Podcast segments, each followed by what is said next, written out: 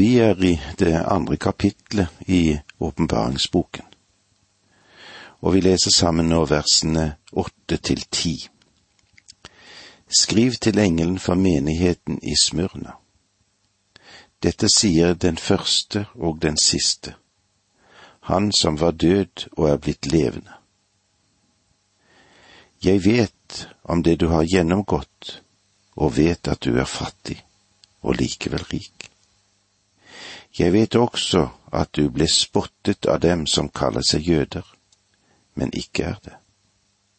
For de er, sat, for de er Satans synagoge.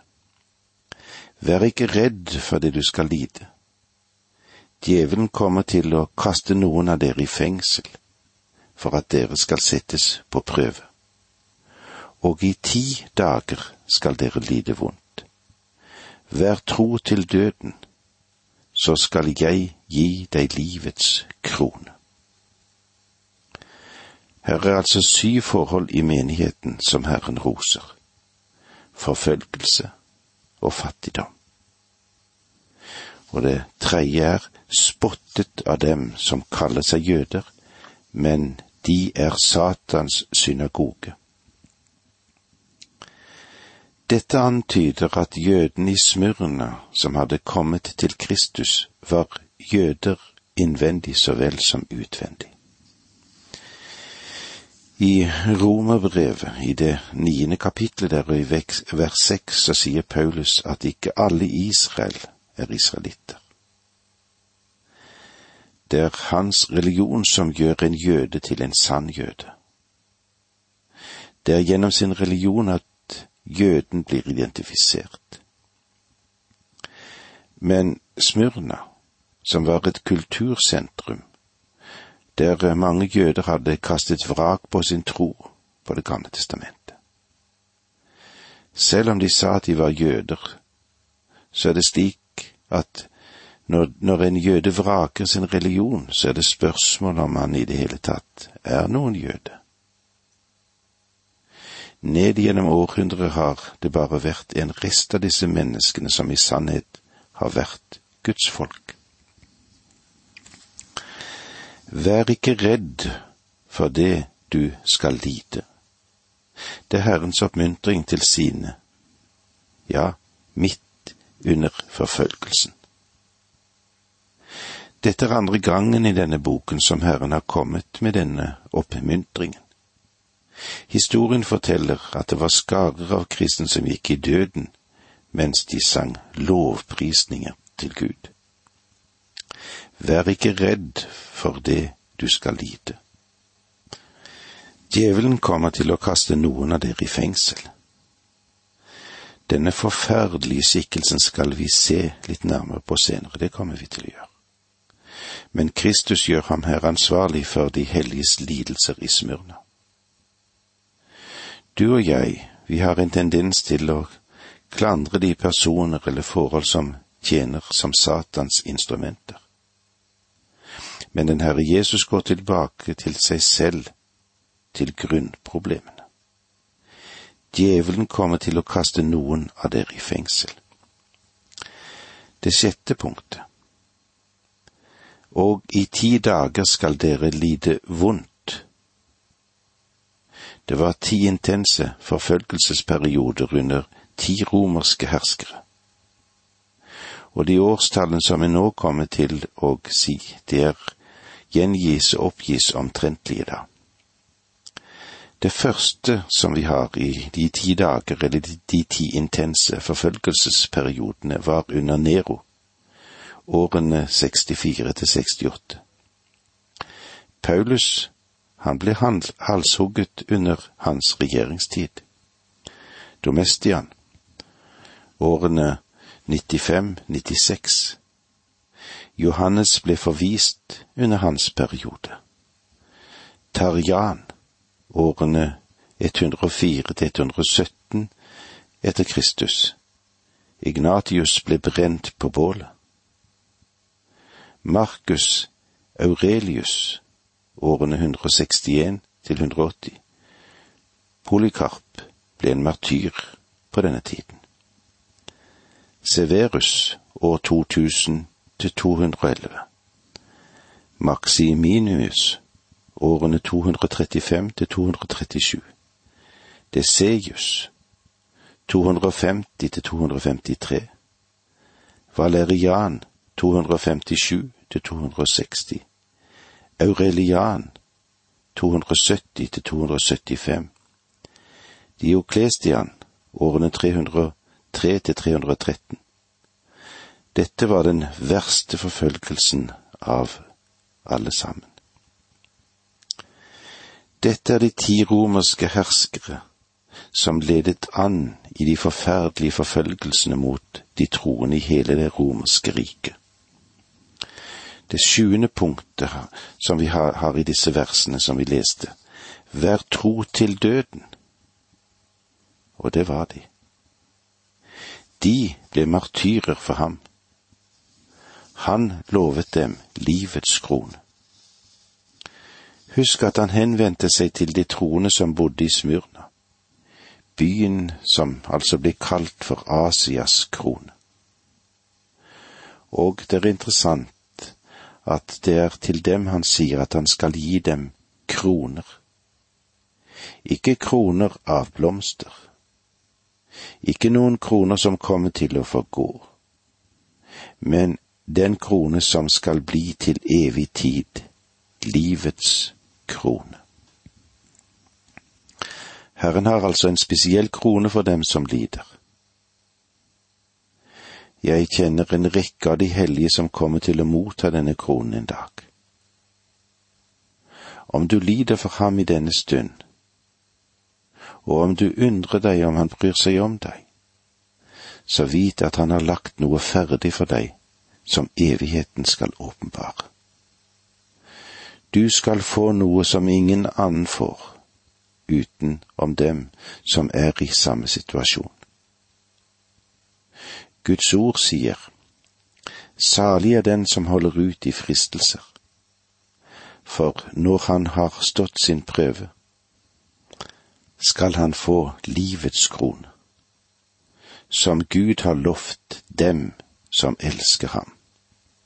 Dette står i Jakobs brev i det første kapittelet, vers tolv. Denne livets krone betyr at du en dag i sannhet skal få kjenne livets skal utfolde seg. Hvilket herlig perspektiv for dem som synes at lidelse så langt har vært deres lodd. Vers 11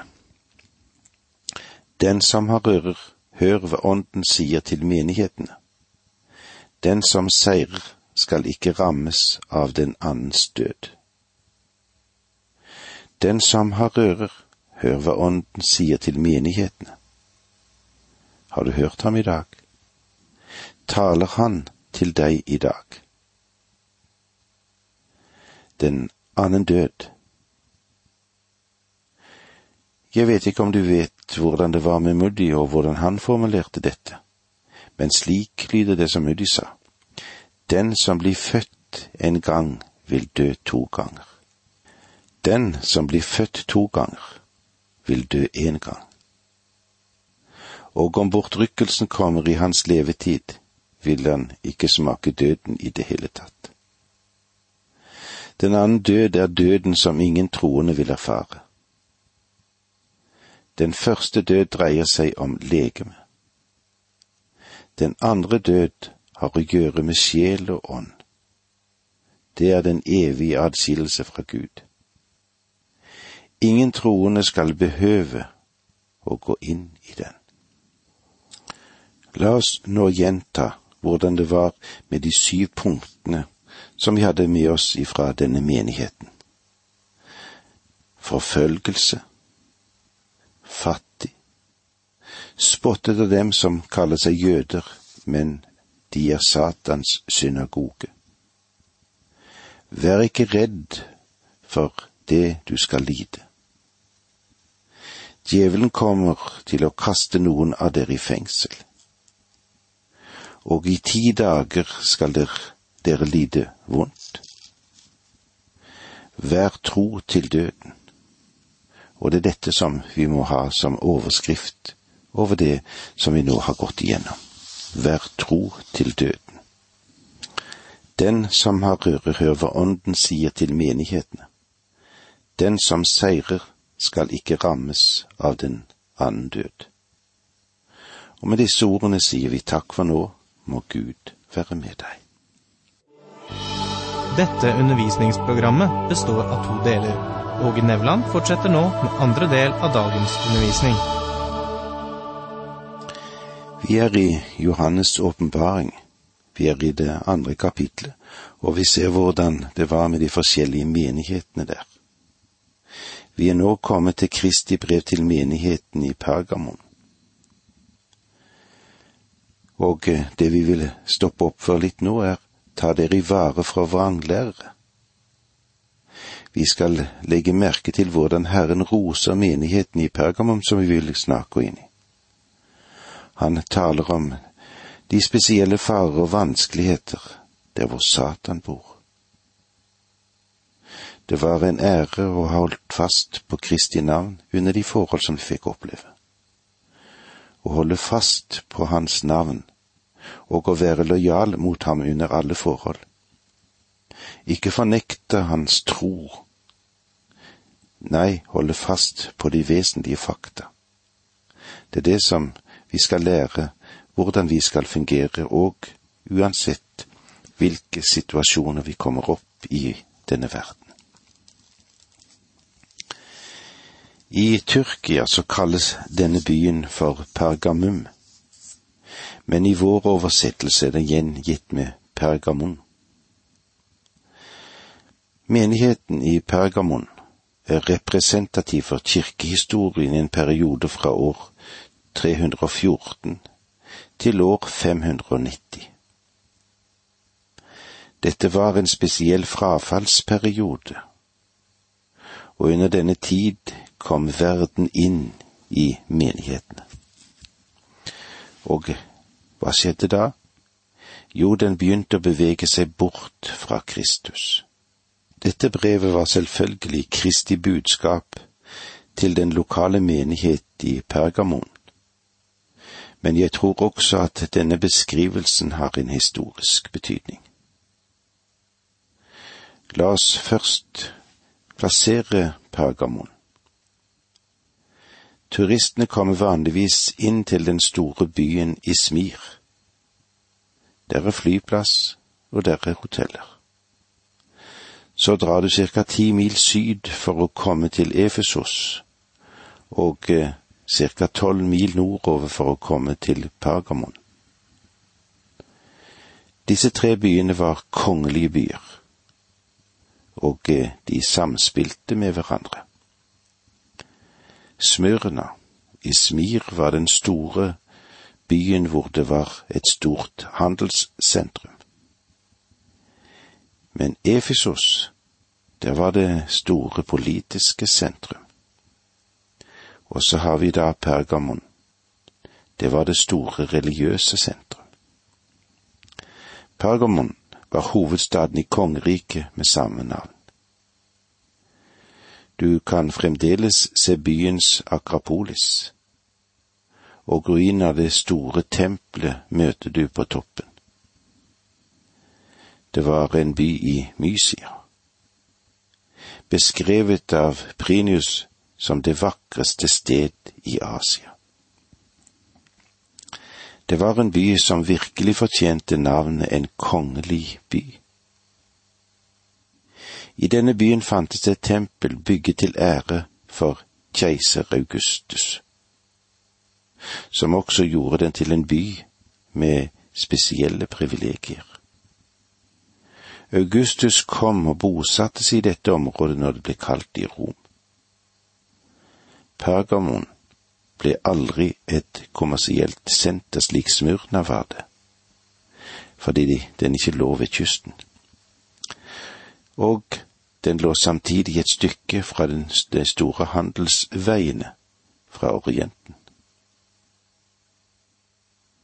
Men det var en by som var vel rustet til å stå seg imot fiender.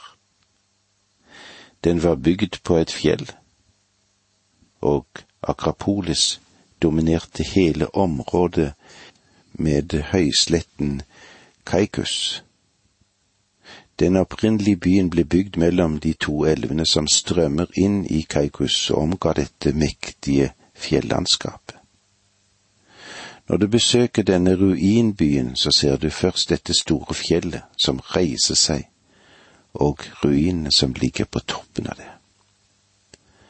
Pergamon kunne ikke bare skryte av mektige templer, men den hadde også det største biblioteket i den hedenske verden. Det var et bibliotek som inneholdt mer enn 200 000 bind. Faktisk fikk byen navnet sitt fra pergament. Dette store biblioteket som Antonius skjenket til sin elskede Kleopatra.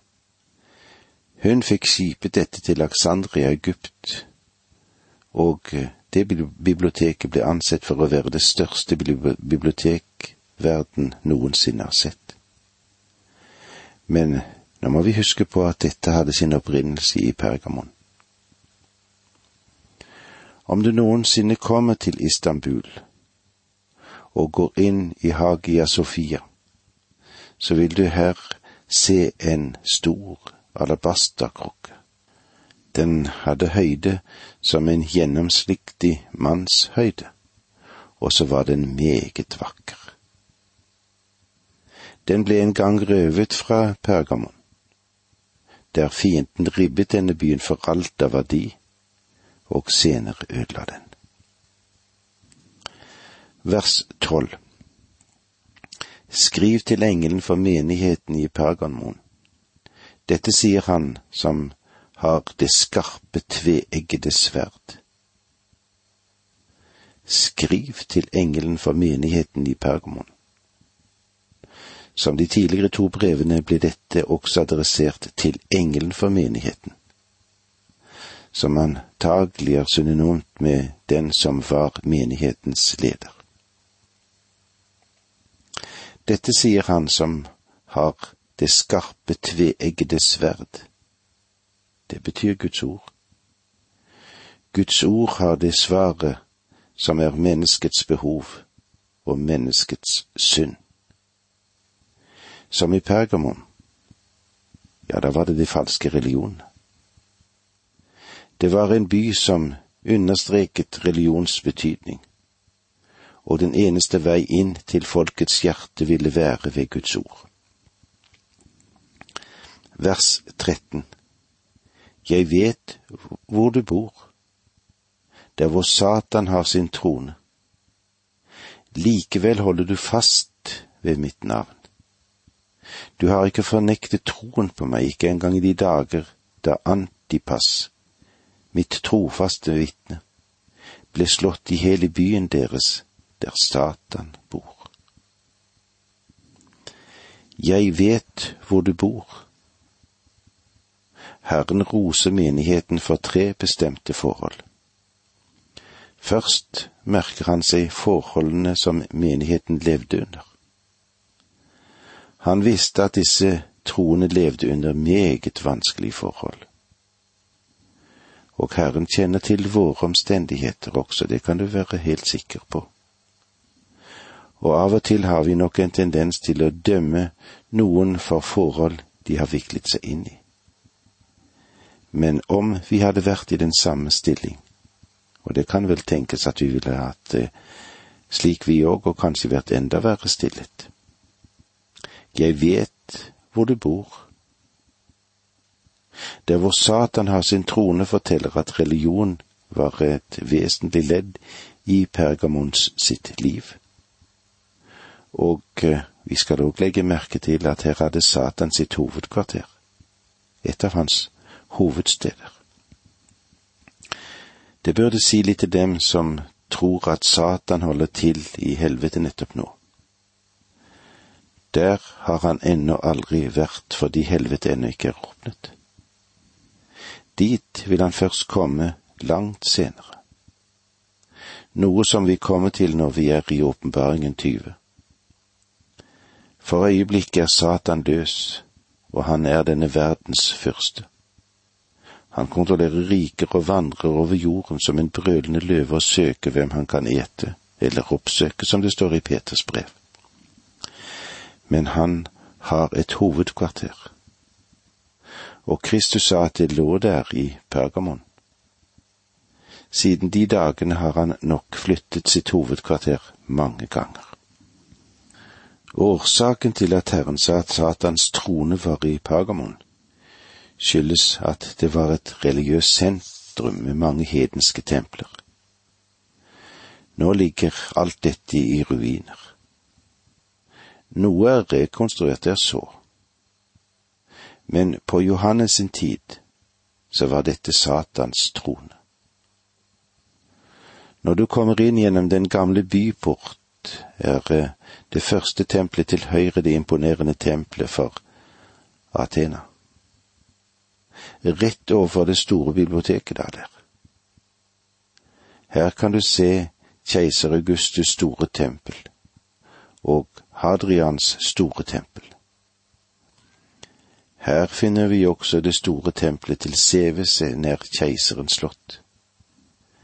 Det er en imponerende sak og noen tror at dette var innviet til Satans trone. Kanskje det er mulig. Men jeg tror at Satans trone er en kombinasjon mellom alt dette. Det var eh, så langt vi kom i dag. Når vi møtes igjen neste gang, vil vi se på de andre tempelområdene. De er òg spesielt iøynefallende. Men det får vi vente med. Det var så langt vi kom i dag. Takk for nå må Gud være med deg.